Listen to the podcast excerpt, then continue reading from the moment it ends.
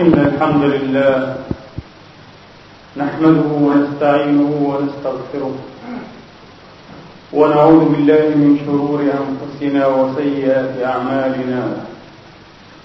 من يهده الله فلا مضل له ومن يضلل فلا هادي له. وأشهد أن لا إله إلا الله وحده لا شريك له. ولا نظير له ولا مثال له. وأشهد أن سيدنا وحبيبنا ونبينا محمدا عبد الله ورسوله. وصفوته من خلقه وأمينه على وحيه ونجيبه من عباده. أرسله الله سبحانه على فترة من الرسل بالهدى ودين الحق. فبلغ الرسالة. وفتح به سبحانه أعينا عميا وآذانا صما وقلوبا غلفا هدى به من الضلالة وكثر به من القلة وأغنى به من العيلة وأقامنا به على سواء الصراط المستقيم. فصلوات ربي وتسليماته عليه يوم ولد ويوم بعث نبيا ورسولا. ويوم توفي مجاهدا ميمونا نقيبا ويوم يبعث حيا شافعا ومشفعا. له المقام المحمود والشفاعة العظمى يربطه بها الخلائق أجمعون. وعلى آله الطيبين الطاهرين وصحابته المباركين المجاهدين وأتباعهم بإحسان إلى يوم الدين وسلم تسليما كثيرا. عباد الله أوصيكم ونفسي الخاطئة بتقوى الله العظيم ولزوم طاعته. كما أحذركم وأحذر نفسي من عصيانه ومخالفة أمره لقوله سبحانه من عمل صالحا فلنفسه ومن أساء فعليها وما ربك بظلام للعبيد. ثم أما بعد أيها الإخوة المسلمون الأفاضل يقول الله سبحانه وتعالى من قائل في كتابه العزيز بعد أن أعوذ بالله من الشيطان الرجيم. بسم الله الرحمن الرحيم. قل أفغير الله تأمروني أعبد أيها الجاهلون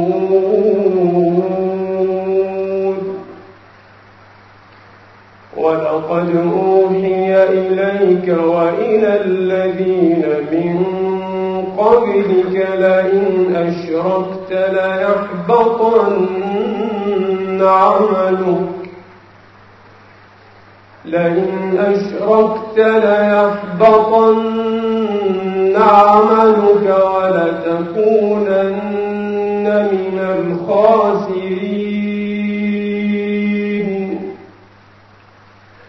بل الله فاعبد وكن من الشاكرين.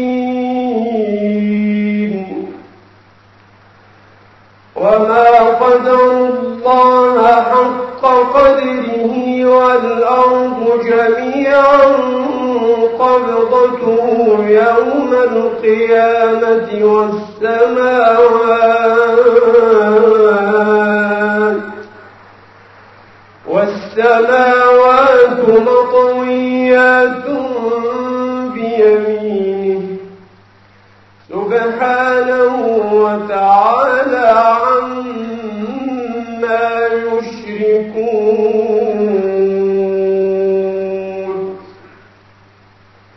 ونفخ في الصور فصعق من في السماوات ومن في الأرض إلا من شاء.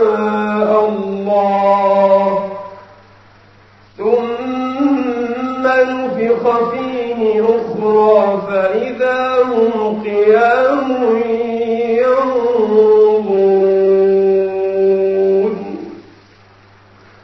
وأشرقت الأرض بنور ربها ووضع الكتاب وجيء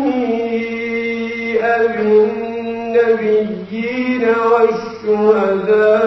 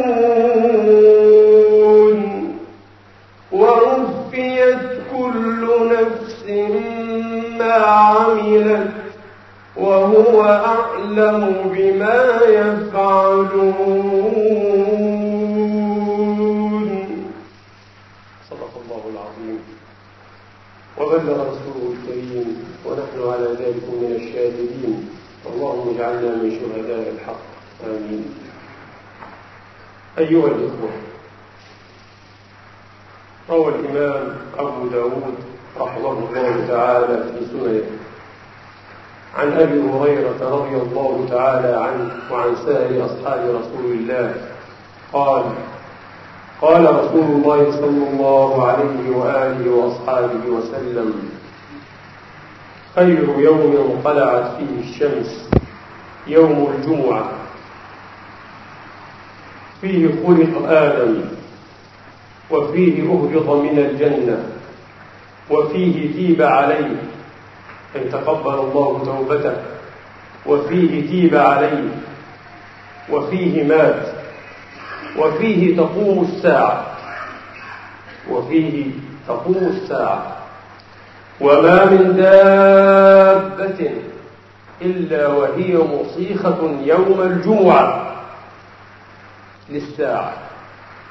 تستمع للساعة. من حين يصبح أي من حين يصبح يوم الجمعة. من حين يصبح حتى تطلع الشمس شفقا من الساعة.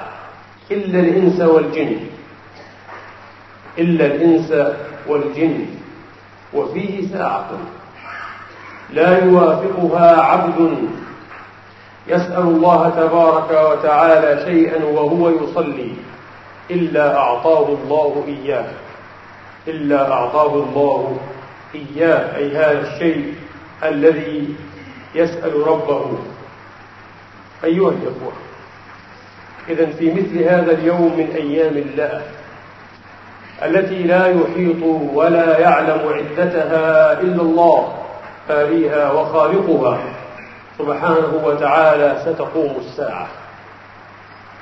أعظم شأن من الشؤونات التي تعرض للكون علويه وسفليه.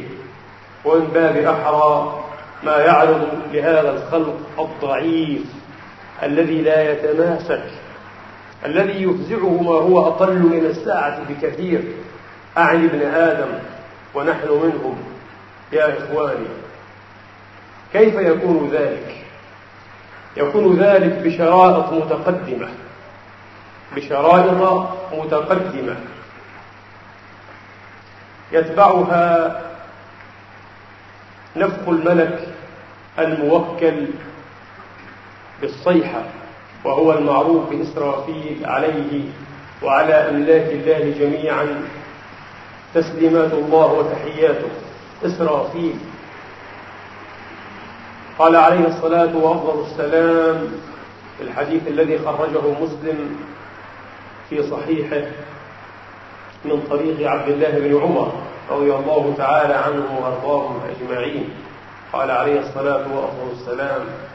يخرج الدجال في أمتي فيمكث كما تعلمون أن الدجال ليس يخرج فقط في أمة محمد المراد بها أمة الإجابة. نحن منهم إن شاء الله تبارك وتعالى. وإنما يخرج في أمة محمد بالمعنى الأعم أمة الدعوة. كل البشرية أمة محمد. كل البشرية أمة محمد. بمعنى ماذا؟ أن محمدا أرسل إليهم. أرسل إليهم جميعا للناس كافة بشيرا ونذيرا فتسمى هذه الأمة كل البشر من لدن محمد إلى أن تقوم الساعة تسمى أمة الدعوة وهي أمة محمد. لكن هذا لا يعطيها أي شرف إلا بالإجابة. فمن أجاب محمدا سعد وصعد إن شاء الله تبارك وتعالى. اللهم اختم لنا بخير خاتمة لأن مما أجمع عليه أنه لا يخرج في أمة محمد الذين هم المسلمون فقط. يخرج في البشرية جمعاء في البشرية طرا. يخرج الدجال في أمتي فيمكث أربعين. قال عبد الله بن عمر رضي الله عنهما لا أدري. قال أربعين يوما أو أربعين شهرا أو أربعين عاما. لكن صح في حديث آخر حديث تميم الداري وغيره أنه يمكث أربعين يوما. حديث أبي هريرة أيضا في الصحيح وفي مسلم أيضا. يمكث أربعين يوما. يوم كسنة ويوم كشهر ويوم كأسبوع كجمعة وسائر أيامه كأيامكم. هذا هو الصحيح تفصيلا. لكن عبد الله رضي الله تعالى عنهما وأرضاهما يحدث بما سمع ووعى فرضى الله وجهه ورضي الله عنه وأرضاه. قال لا أدري قال أربعين يوما أو أربعين شهرا أو أربعين عاما. ثم ينزل عيسى بن مريم وهو أشبه الخلق بعروة ابن مسعود يعني الثقفي على شكلته على هيئة عروة ابن مسعود الثقفي. فيطلبه عيسى يطلب الدجال فيهلكه يمكنه الله منه فيقتله. وقصة قتله إياه بباب لد من أرض فلسطين السليبة أعادها الله عزيزة مظفرة رافعة الرأس إلى الذرى بفضله ومنه. اللهم آمين. بباب لد في أحاديث أخرى ثابت ومتيقن أيضا إن شاء الله تعالى فيهلكه. ثم يمكث الناس سبع سنين. ثم يمكث الناس سبع سنين. ليس بين اثنين عداوة. يعم الأمن والسلام والمحبة والوئام الخلق جميعا. ليس بين اثنين عداوة. ليس بين اثنين عداوة. ثم يرسل الله تبارك وتعالى ريحا من قبل الشمال أي من جهة الشمال ريحا شمالية. ثم يرسل الله تبارك وتعالى ريحا من قبل الشمال. لا تدع من في قلبه مثقال حبة من خير قال هكذا في الرواية أو إيمان إلا قبضت أي قبضت نفسه. حتى إن أحدكم حتى إن أحدكم لو استتر منها في كبد جبل أي في مغارة. اتخذ هذا الملجأ أو المتخذ في مغارة. لدخلت عليه حتى تقبض نفسه. إذا يذهب المؤمنون بهذه الريح الطيبة الخفيفة يذهب المؤمنون ويبقى شرار الخلق. لا يعرفون معروفا ولا ينكرون منكرا. في خفة الطير وأحلام السباع. في خفة الطير وعقول السباع والعياذ بالله. في خفة الطير وأحلام السباع. في خفة الطير وأحلام السباع. فبين الناس كذلك إذ تمثل لهم إبليس لعنة الله تعالى عليه إلى يوم الدين. إذ تمثل لهم إبليس فقال لهم ألا تجيبون؟ فقالوا فما تأمرنا فيأمرهم والعياذ بالله بعبادة الأوثان ورزقهم دار عليهم وعيشهم حسن ورزقهم دار أي عليهم وعيشهم حسن فبين هم كذلك إذ نفخ في الصور فلا يسمعه أحد طبعا لا يسمعه كل أحد إلا أصاخ ليتا ورفع ليتا أي هكذا والليت هو صفحة العنق. أصاخ بمعنى أصاغ أي أمال أمال صفحة عنقه ورفع الأخرى. يتندس ويتنصت. يستمع أو يتسمع إلا أصاخ ليتا ورفع ليتا وأول من يسمعه رجل يلوط حوضه أو حوض إبله. حوض إبل له يلوط حوض إبل له.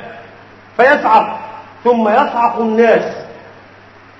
فيصعق ثم يصعق صعق يصعق علم يعلم على هذه الزنا. فيصعق ثم يصعق الناس أي سائر الناس من بقي من الناس بهذه النفقة.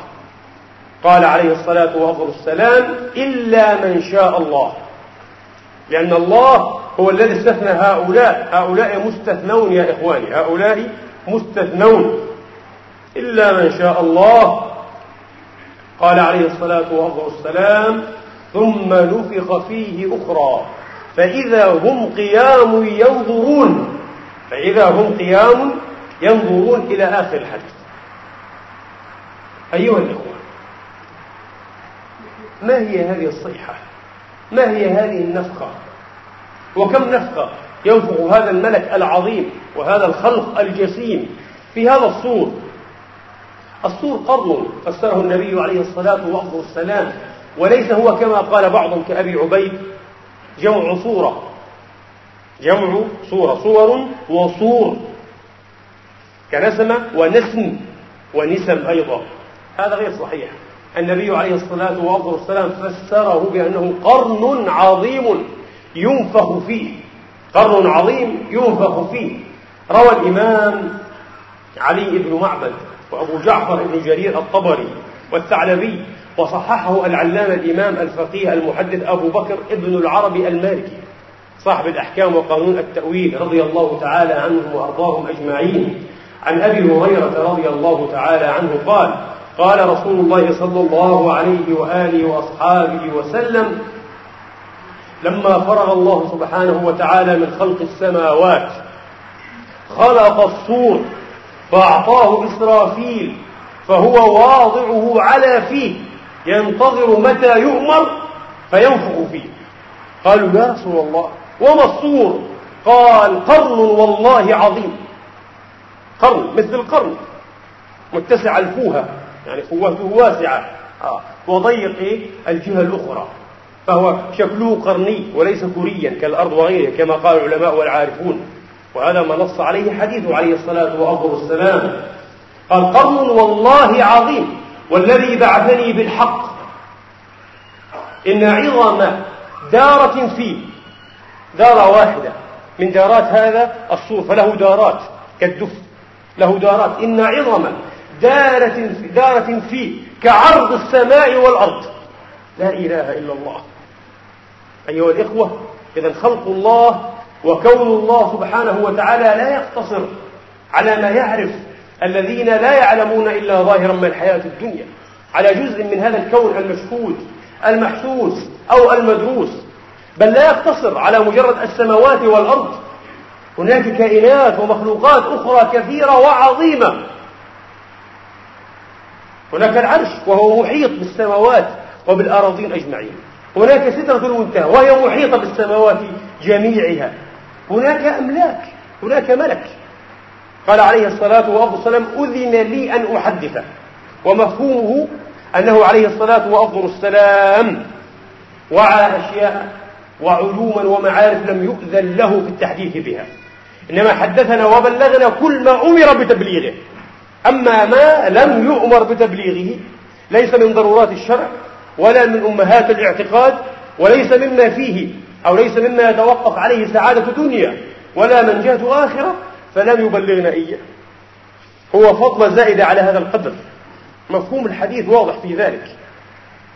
آه. أذن لي أن أحدث عن ملك رأسه في السماء السابعة وقدمه في الأرض السابعة. وفي بعض الروايات بين شحمة أذنه وبين عاتقه أي كتفه. بين شحمة أذنه وبين عاتقه مسيرة خمسمائة سنة. لا إله إلا الله. هذا ملك واحد.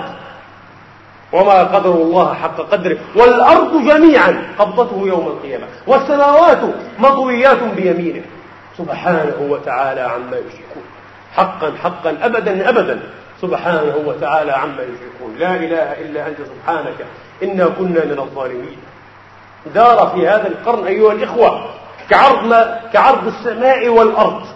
كعرض السماء والأرض. هذا هو الصور. كم ينفخ فيه إسرافيل عليه السلام؟ وقد حكى بعضهم الإجماع على أن النافخ هو إسرافيل وخالف بعضهم. فحكاية الإجماع لا تصح إلا أنها مسألة صحيحة. الصحيح الذي يستند من طريق الأحاديث. الصحيح والصريح هو أن إسرافيل هو ملك الصور عليه الصلاة وأفضل السلام. كم ينفق إسرافيل في هذا الصور أيها الإخوة؟ قال جماعة كثيرون من العلماء ثلاث نفخات.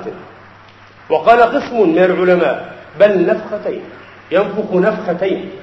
فأما الذين قالوا ينفخ ثلاث نفخات بينوها فقالوا هي نفخة الفزع وإليها الإشارة بقوله سبحانه وتعالى في سورة النمل ويوم ينفخ في الصور ففزع من في السماوات ومن في الأرض إلا من شاء الله وكل أتوه داخلين. ونفخة الصعق والصعق هنا ليس بمعنى الغشي أو الغشي بل بمعنى الموت. يموت. كل أحد إلا من شاء الله إلا من استثنى الله. نفخة الصعق.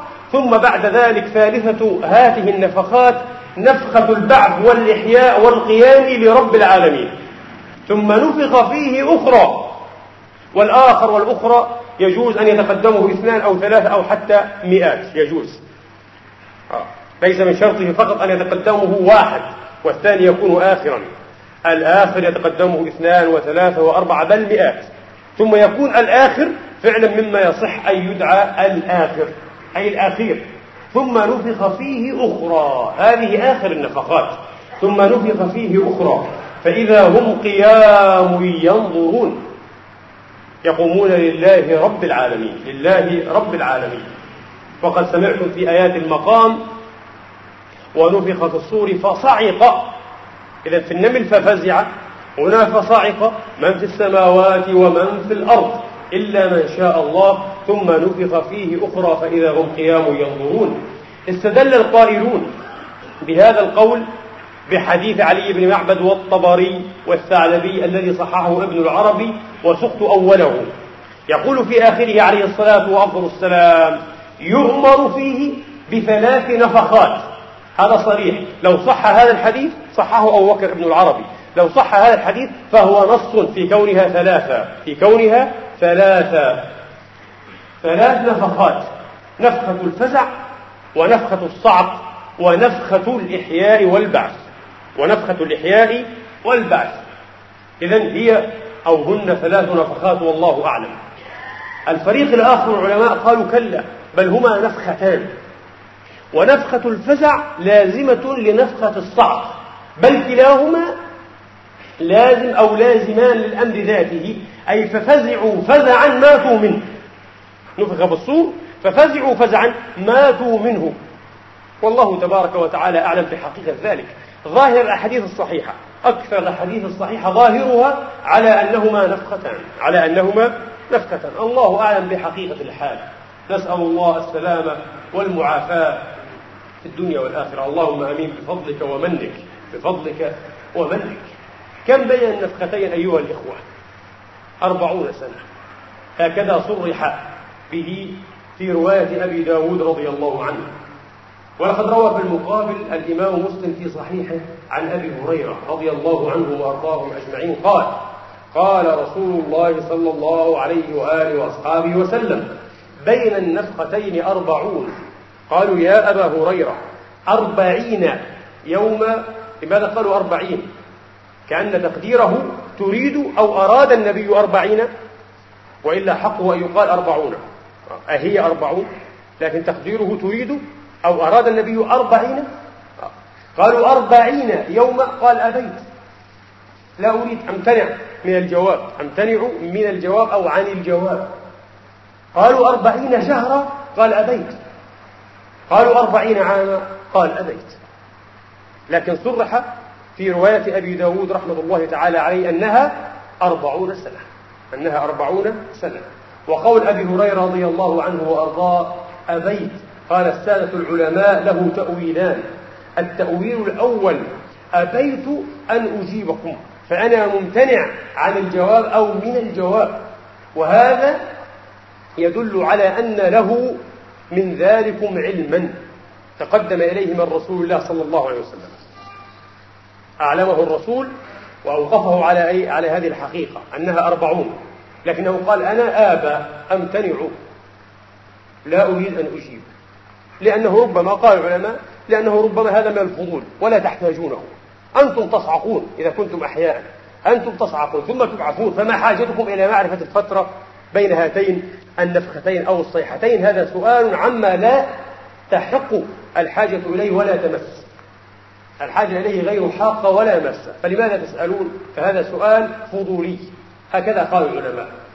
والتأويل الثاني أبيت أبيت أي أمتنع لأنني لا أعلم وأنا آبى أن أتكلم في دين الله بغير علم.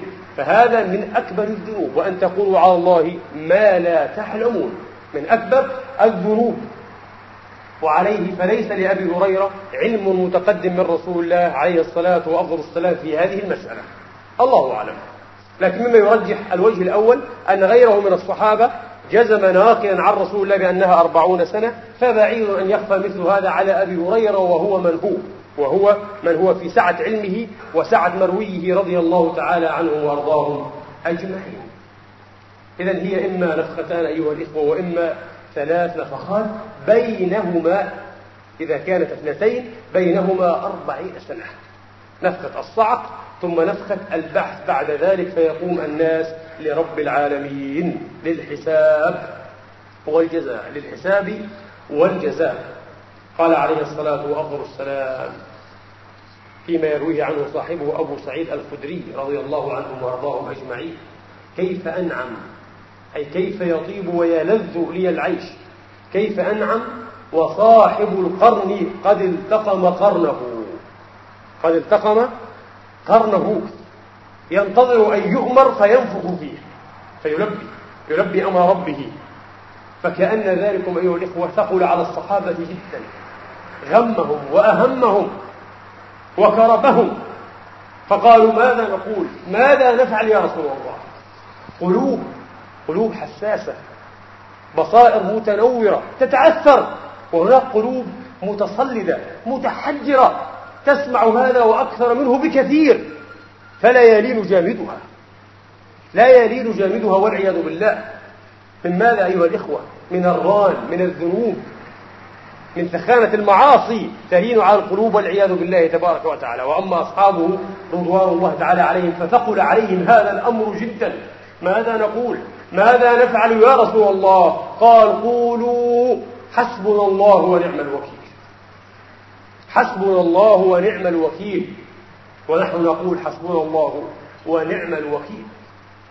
روى الإمام أبو الحسن بن صخر رضي الله عنه عن أبي هريرة رضي الله تعالى عنهم وأرضاهم أجمعين قال قال عليه الصلاة وأفضل السلام ما طرف صاحب الصور مذ استلمه أي لم يتحرك إيه طرفه لم تطرف عينه. ما طرف صاحب الصور مذ استلمه مخافة أن يؤمر بالصيحة قبل أن يرتد إليه طرفه. قال كأن عينيه كوكبان دريان.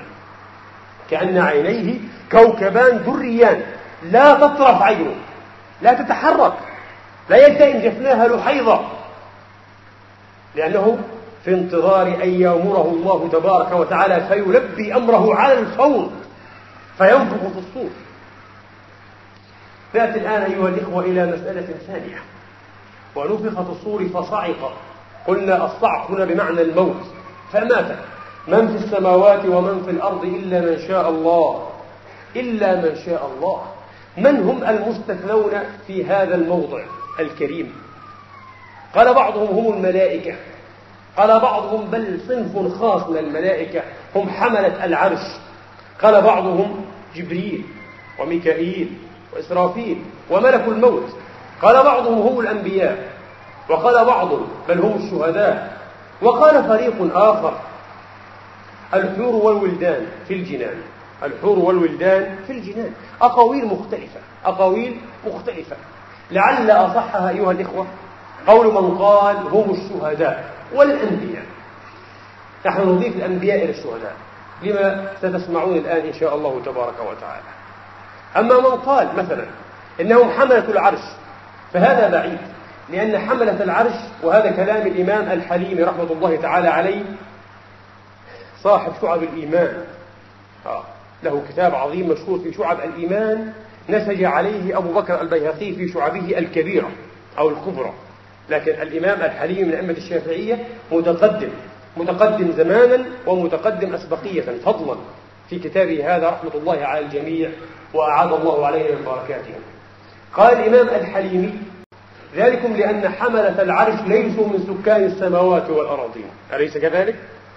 ونص الآية فصعق من في السماوات ومن في الأرض إلا من شاء الله. ولا يجوز أن يستثنى إلا من كان داخلا في الجملة. أليس كذلك؟ لا يجوز أن يستثنى إلا من كان داخلا في الجملة. هذا على الأصل هذا على الأصل. وحملة العرش ليسوا من سكان السماوات والأراضين حتى يصح أن يكونوا هم المستثنين حتى يصح أن يكونوا هم المستثنين لماذا؟ لأن العرش فوق السماء السابعة وهو محيط بهذه السماوات جميعها. فحملة العرش إذا غير داخلين وغير مرادين وغير مرادين بهذا الاستثناء. وأما من قال جبريل وميكائيل وإسرافيل وملك الموت قال العلامة الحليمي فهؤلاء حافون وصافون صافون وحافون بالعرش يسبحون بحمد ربهم يسبحون بحمد ربهم والعرش قد علمتم مثابته ومكانه. فليس هؤلاء أيضا ممن يصح أن يقال إنهم من سكان السماوات والأراضين جبريل وميكائيل وإسرافيل وملك الموت عليهم تسليمات الله جميعا. كذلك الحور والولدان في الجنان وهذا كلام قوي جدا للإمام الحليمي. الحور والولدان في الجنان قال الجنان وإن كان بعضها أرفع من بعض وأعلى من بعض إلا أنها وإن كانت دون العرش فأي فإنها فوق السماوات جميعها الجنات وإن كان بعضها أرفع من بعض وأعلى من بعض وإن كانت في نفس الوقت أيضا دون العرش لماذا؟ لأن الفردوس هي أعلى الجنة أو أعلى الجنان ووسط الجنان وعرشها إيه؟ هو عرش الرحمن سقفها عرش الرحمن كما في صحيح مسلم. إذا هي دون العرش إذا هي دون العرش لكنها فوق السماوات جميعها. إذا فليس الحور والولدان في الجنان ممن يصح أن يكونوا هم المستثنين أن يكونوا هم المستثنين في هذا الموضع الكريم من سورة الزمر والله تعالى أعلم. أما الأنبياء فنحن نخالف الإمام الحليمي رحمة الله تعالى عليه. قال وأما الأنبياء فلا موضع لذكرهم هنا أصلا. لماذا؟ قال لأنهم ماتوا بالحقيقة أي ماتوا على الحقيقة. وهنا الذي يصعق بهذه النفخة من؟ الأحياء. فصعق من في السماوات ومن في الأرض أي من الأحياء. وأما الأنبياء فماتوا. إذا غير داخلين في الجملة. فلا يصح استثناؤهم منها. فلا يصح استثناؤهم. وهذا كلام ليس دقيقا جدا. هذا كلام ليس دقيقا جدا. لماذا؟ لما صح عن مولانا رسول الله. هذا مردود بالحديث الصحيح. لما صح عن مولانا رسول الله. صلى الله عليه وآله وأصحابه ومن والاه. والحديث في مسلم وفي البخاري وأخرجه الترمذي وحسنه والإمام ابن ماجه. هذا لفظ ابن ماجه. هذا اللفظ الذي أسوقه لابن ماجه لأبي عبد الله ابن ماجه رضي الله عن الجميع. عن أبي هريرة رضي الله تعالى عنه وأرضاه. أن يهوديا قال بالسوق أي بسوق المدينة لا والذي اصطفى موسى على العالمين فرفع رجل من المسلمين يده فلطمه بها. قال تقول هذا وفينا رسول الله صلى الله عليه وآله وصحبه وسلم. تقول هذا تحديا لمشاعرنا هكذا معنى الكلام وتنقصا من مقام ومثابة رسول الله. رسول الله هو المصطفى على العالمين. أيها الإخوة لو سألكم سائل من أفضل خلق الله؟ لا تترددوا وهي مسألة اجتهادية على كل حال ليست قطعية لكن لا تترددوا أن تقولوا إن شاء الله مطمئنين هو رسول الله. أفضل الخلق وأعظم خلق الله هو رسول الله. ودليله في الكتاب الكريم. كيف؟ قال تبارك وتعالى وما أرسلناك إلا رحمة للعالمين. في مواضع البشر نعم للناس كافة. في هذا الموضع للعالمين. ما هي العالمون؟ قال فرعون وما رب العالمين؟ قال أي موسى رب السماوات والأرض وما بينهما إن كنتم موقنين. قال العلماء العالمون هي كل ما عدا الله. وإنما جمع الجمع العاقل لنقطة لا نتعرض الآن لذكرها. المفروض أن يقال العوالم لكنه قال العالمون. جمعه جمع إيه؟ من يعقل. للدلالة على أن في هذا الوجود حسا وإدراكا يتناسب مع رتبة كل. كل قد علم صلاته وتسبيحه تسبح له السماوات السبع والأرض ومن فيهن وإن من شيء إلا يسبح بحمده ولكن لا تفقهون تسبيحهم. أفلا يسوغ أن تجمع هذه الخلائق جميعا؟ جمع من يعقل نعم لكن لا تفقهون تسبيحهم. لذا جمعها جمع من يعقل. فقال العالمون ولم يقل العوالم جمع الجامد وما لا يعقل لا إله إلا الله. فكل من عدا الله أيها الإخوة هو داخل في إيه؟ في مسمى العالمين. داخل في مسمى أي في حقيقة. في مسمى العالمين. محمد عليه الصلاة والسلام أرسله الله رحمة للعالمين. قال أسياد العلماء والعارفون قدس الله أنوارهم ونزه أسرارهم وألحقنا بهم. قالوا ولا ريب أن المرحوم يكون أنزل درجة ممن رحم به. رحمت العالمون بمن؟ بمحمد. جبريل وميكائيل والعرش والفرش كل العالمين. رحمت بمن؟ بمحمد. فلا ريب أن يكون محمد عليه الصلاة والسلام أفضل العالمين. ما أحسن هذا الاستنباط وما أجوده وما أسده بعض الناس يبدع ويخطئ من قال إن محمدا أفضل الخلق. يقول الذي صح لدينا أن محمدا أفضل البشر. من قصر النظر. صح لديكم من قصر النظر. لو قد تعمق نظركم وسبر غور النص لعلمتم أنه أفضل خلق الله روح له الفداء وأرواح العالمين صلى الله عليه وآله وأصحابه وسلم أبدا أبدا. عدد ما ذكره الذاكرون وعدد ما غفل عن ذكره الغافلون. نعود إلى ما كنا فيه أيها الإخوة نعود إلى ما كنا فيه. إذا الإمام الحليم يرى أن موسى وأن الأنبياء جميعا بما فيهم محمد عليه الصلاة والسلام ليسوا داخلين في الجملة. فلا يصح أن يكونوا هم المستثنين قلنا هذا الكلام غير دقيق من هذا الإمام الجليل. لماذا؟ لأن النبي نعود إلى قصة السوق واللطمة. قال تقول هذا أيها اليهودي وفينا رسول الله صلى الله عليه وآله وأصحابه وسلم؟ قال أتيت رسول الله. يقول أبو هريرة فأتيت رسول الله عليه الصلاة والسلام فأخبرته. قلت له وقع كذا وكذا وكذا ولطم الرجل. فقال عليه الصلاة والسلام قال الله عز وجل ونفخ في الصور فصعق من في السماوات ومن في الأرض إلا من شاء الله ثم نفخ فيه أخرى فإذا هم قيام ينظرون. قال عليه الصلاة والسلام فأكون أول من رفع رأسه. في روايات في الصحيحين فأكون أول من أفاق. وفرق بين رفع رأسه وبين أفاق لأن الإفاقة لا تكون من موت. إنما تكون إيه؟ من غش أو غشي. إنما تكون من غش أو غشي ولا تكون من موت. فهذه الرواية هامة جدا. فأكون أول من رفع رأسه أو أول من أفاق. فإذا أنا بموسى قد سبقني قابض أو ممسك بقائمة من قوائم. وفي رواية متعلق بقائمة من قوائم العرش. قال عليه الصلاة وأفضل السلام فلا أدري. هل سبقني؟ هل يكون صعق ثم أفاق. قبلي وسبقني بهذه الإفاقة؟ أو أو يكون ممن استثنى الله إلا من شاء الله. بمعنى أنه لم يصعق أصلا. بمعنى أنه لم يصعق أصلا. لأن النبي نص على أنه أول. قال فأكون أول. ولا يقول أول إلا إيش؟ وهو يغلب على ظنه أو يعلم علما يقينيا أنه أول. من يفيق. لأنه لا يكذب ولا يتظنى. حاشاه وكلا عليه الصلاة والسلام لا يتظنى ولا يتخرص بالغيب. فأكون أول مرة صعب قال فلا أدري. قال العلماء حصل له تردد في حال موسى. هل موسى صعق ثم أفاق قبله؟ وقع التردد. لكن هو يعلم أنه يكون أول. فكيف وقع ذلك؟ في تردد في حال موسى. أو يكون ممن استثنى الله. ما معنى يكون ممن استثنى الله؟ أنه لم يصعق أصلا وهذا رد على الإمام الحليم رحمة الله تعالى عليه. لو لم يصح أن يكون من الأنبياء من يدخل في هذا الاستثناء في حيز الاستثناء لما قال النبي ذلك. النبي أولى بأن يفهم إيه؟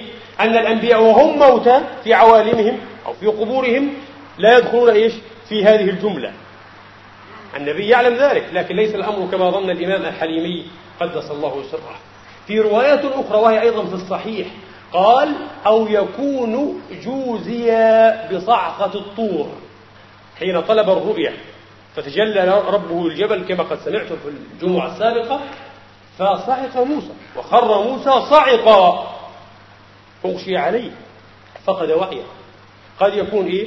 قد يكون موسى جوزي بهذه الصعقة فلم يصعق إيه؟ مع من صعق من الخلائق في آخر الزمان.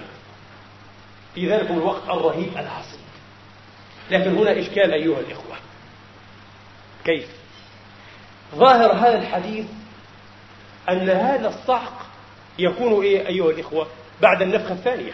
أليس كذلك؟ لأنها نفخة البعث. ما دخل الصعق هنا والإفاقة بعد النفخة الثانية. والقرآن العظيم ظاهره أن هذا الصعق يكون بعد النفخة الأولى. ونفخ في الصور فصعق. إذا ما دخل النفخة الثانية في البين؟ قال القاضي عياض رحمة الله تعالى عليه في المشارق قال لعله يكون هناك صعق آخر بعد النفخة الثانية. هي للإحياء وللبعث فيحدث معها صعق. يحيا الإنسان ويصعق. صعق غشي معنى كلام القاضي عياض لا يمكن أن يفهم إلا كذلك.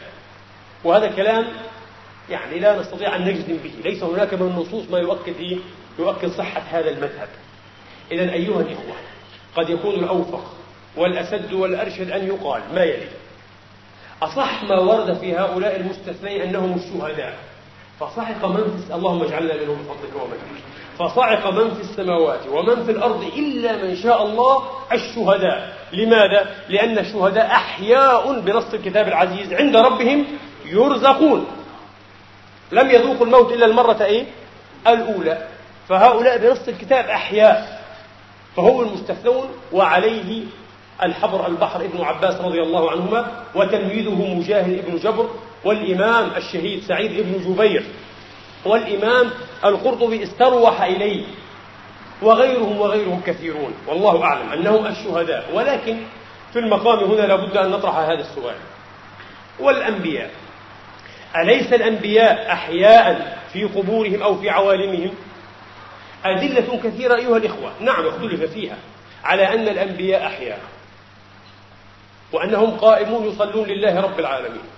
وقد أورد الإمام تقي الدين أبو الحسن علي بن عبد الكافي السبكي الكبير مجتهد الشافعية المطلق في عصره رحمة الله تعالى عليه السبكي الكبير المعروف بالسبكي الكبير التقي السبكي. أورد من هذه الأدلة الجم الغفير الطيب المبارك الطائل في كتاب كامل أسماه شفاء السقام. وللإمام العلامة المحدث الجامع آه أبي بكر بيهقي كتاب في حياة الأنبياء أي في قبورهم.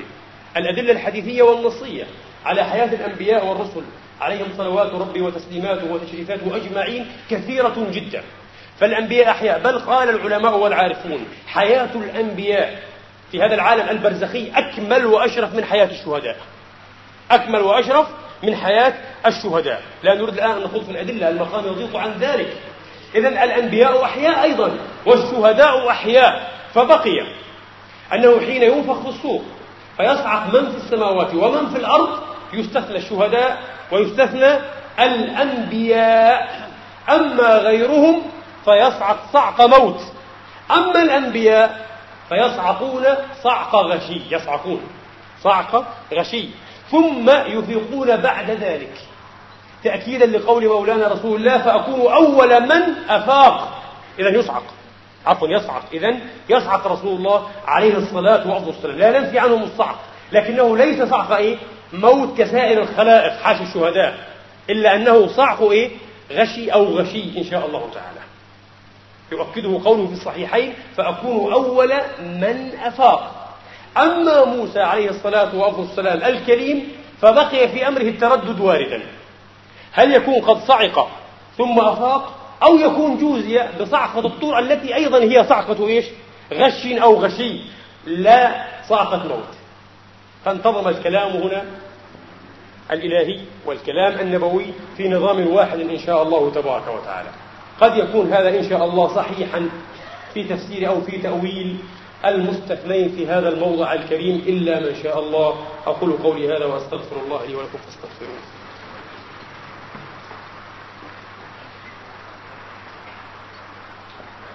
الحمد لله رب العالمين.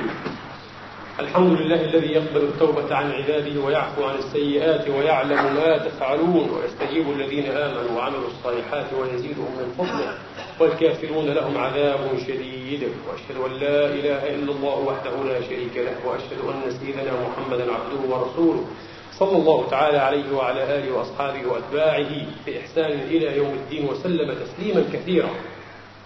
أيها الإخوة يقول عبد الله بن عمر رضي الله تعالى عنه وأرضاه سمعت رسول الله صلى الله عليه وسلم يقول يطوي الله السماء يوم القيامة بيمينه.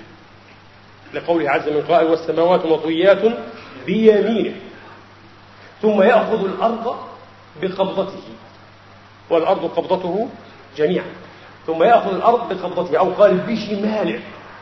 ثم ينادي أنا الملك. أين الجبارون؟ أين المتكبرون؟ أين الجبارون؟ أين المتكبرون؟ ما من مجيب.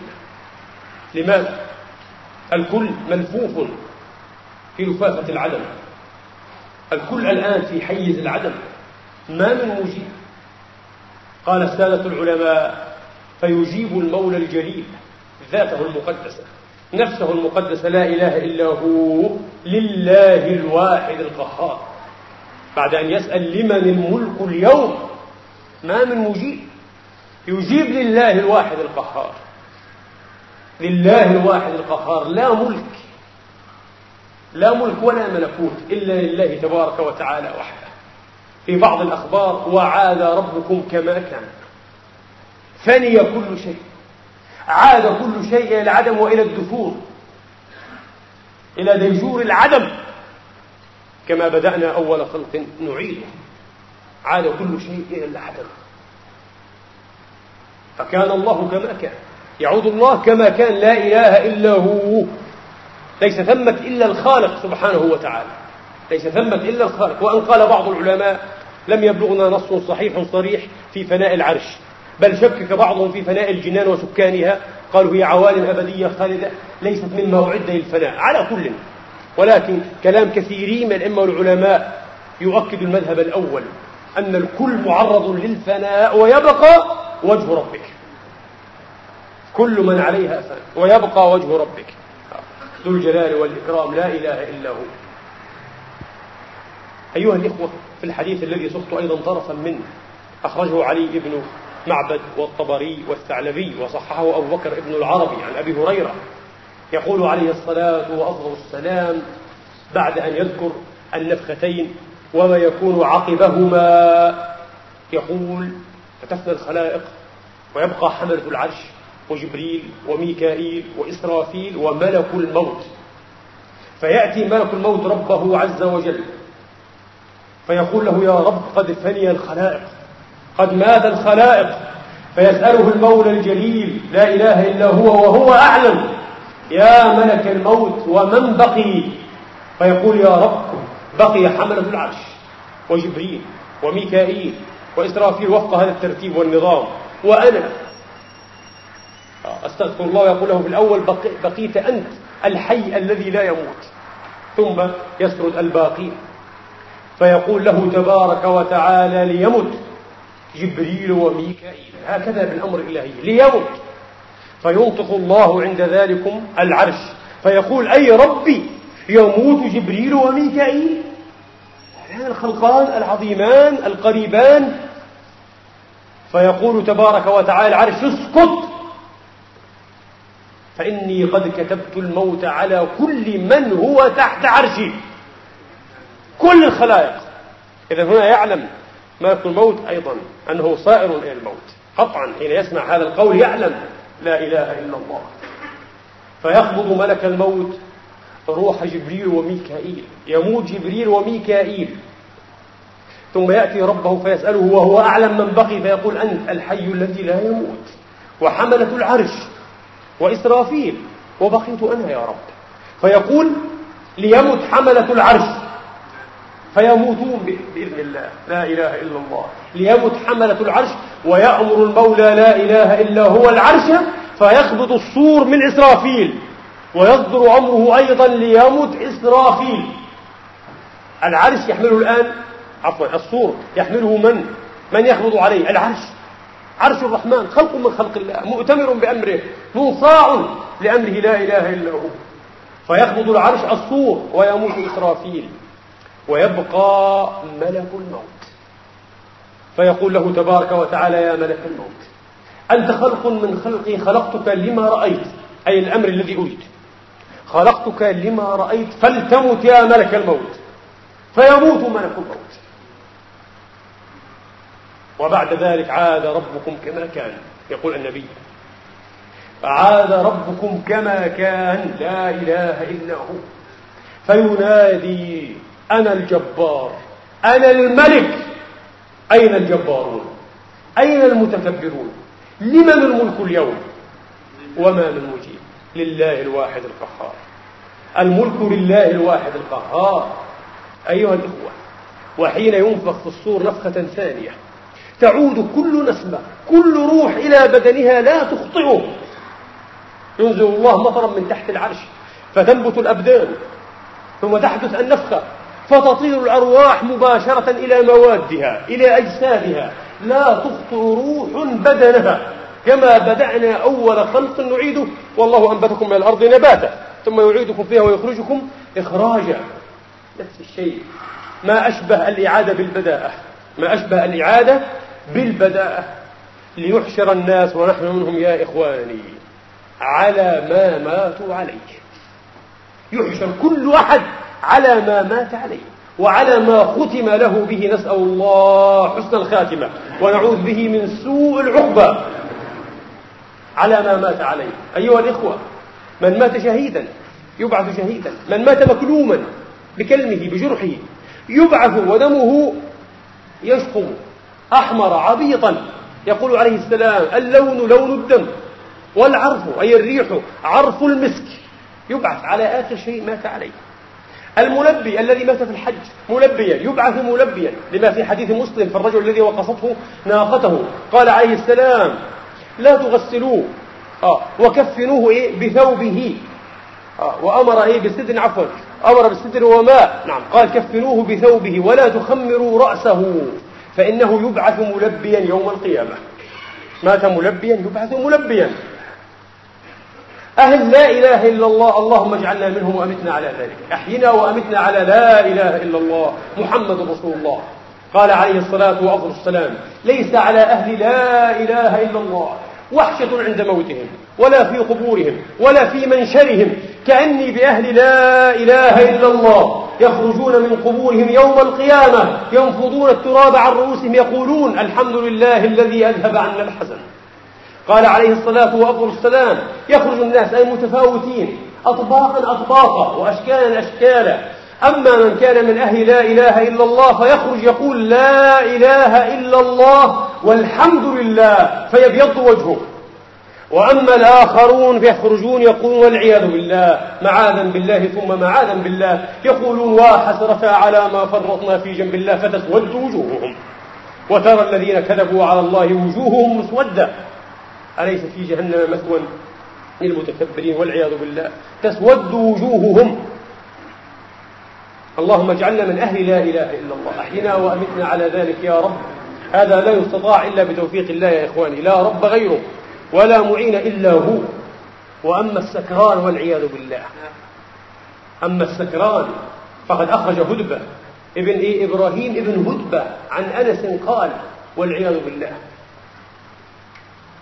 قال قال عليه الصلاة وأفضل السلام من مات سكرانا من مات سكران بعث عاين ملك الموت سكران وعاين منكرا ونكيرا سكران وبعث يوم القيامة سكران إلى خندق في وسط جهنم يقال له السكران.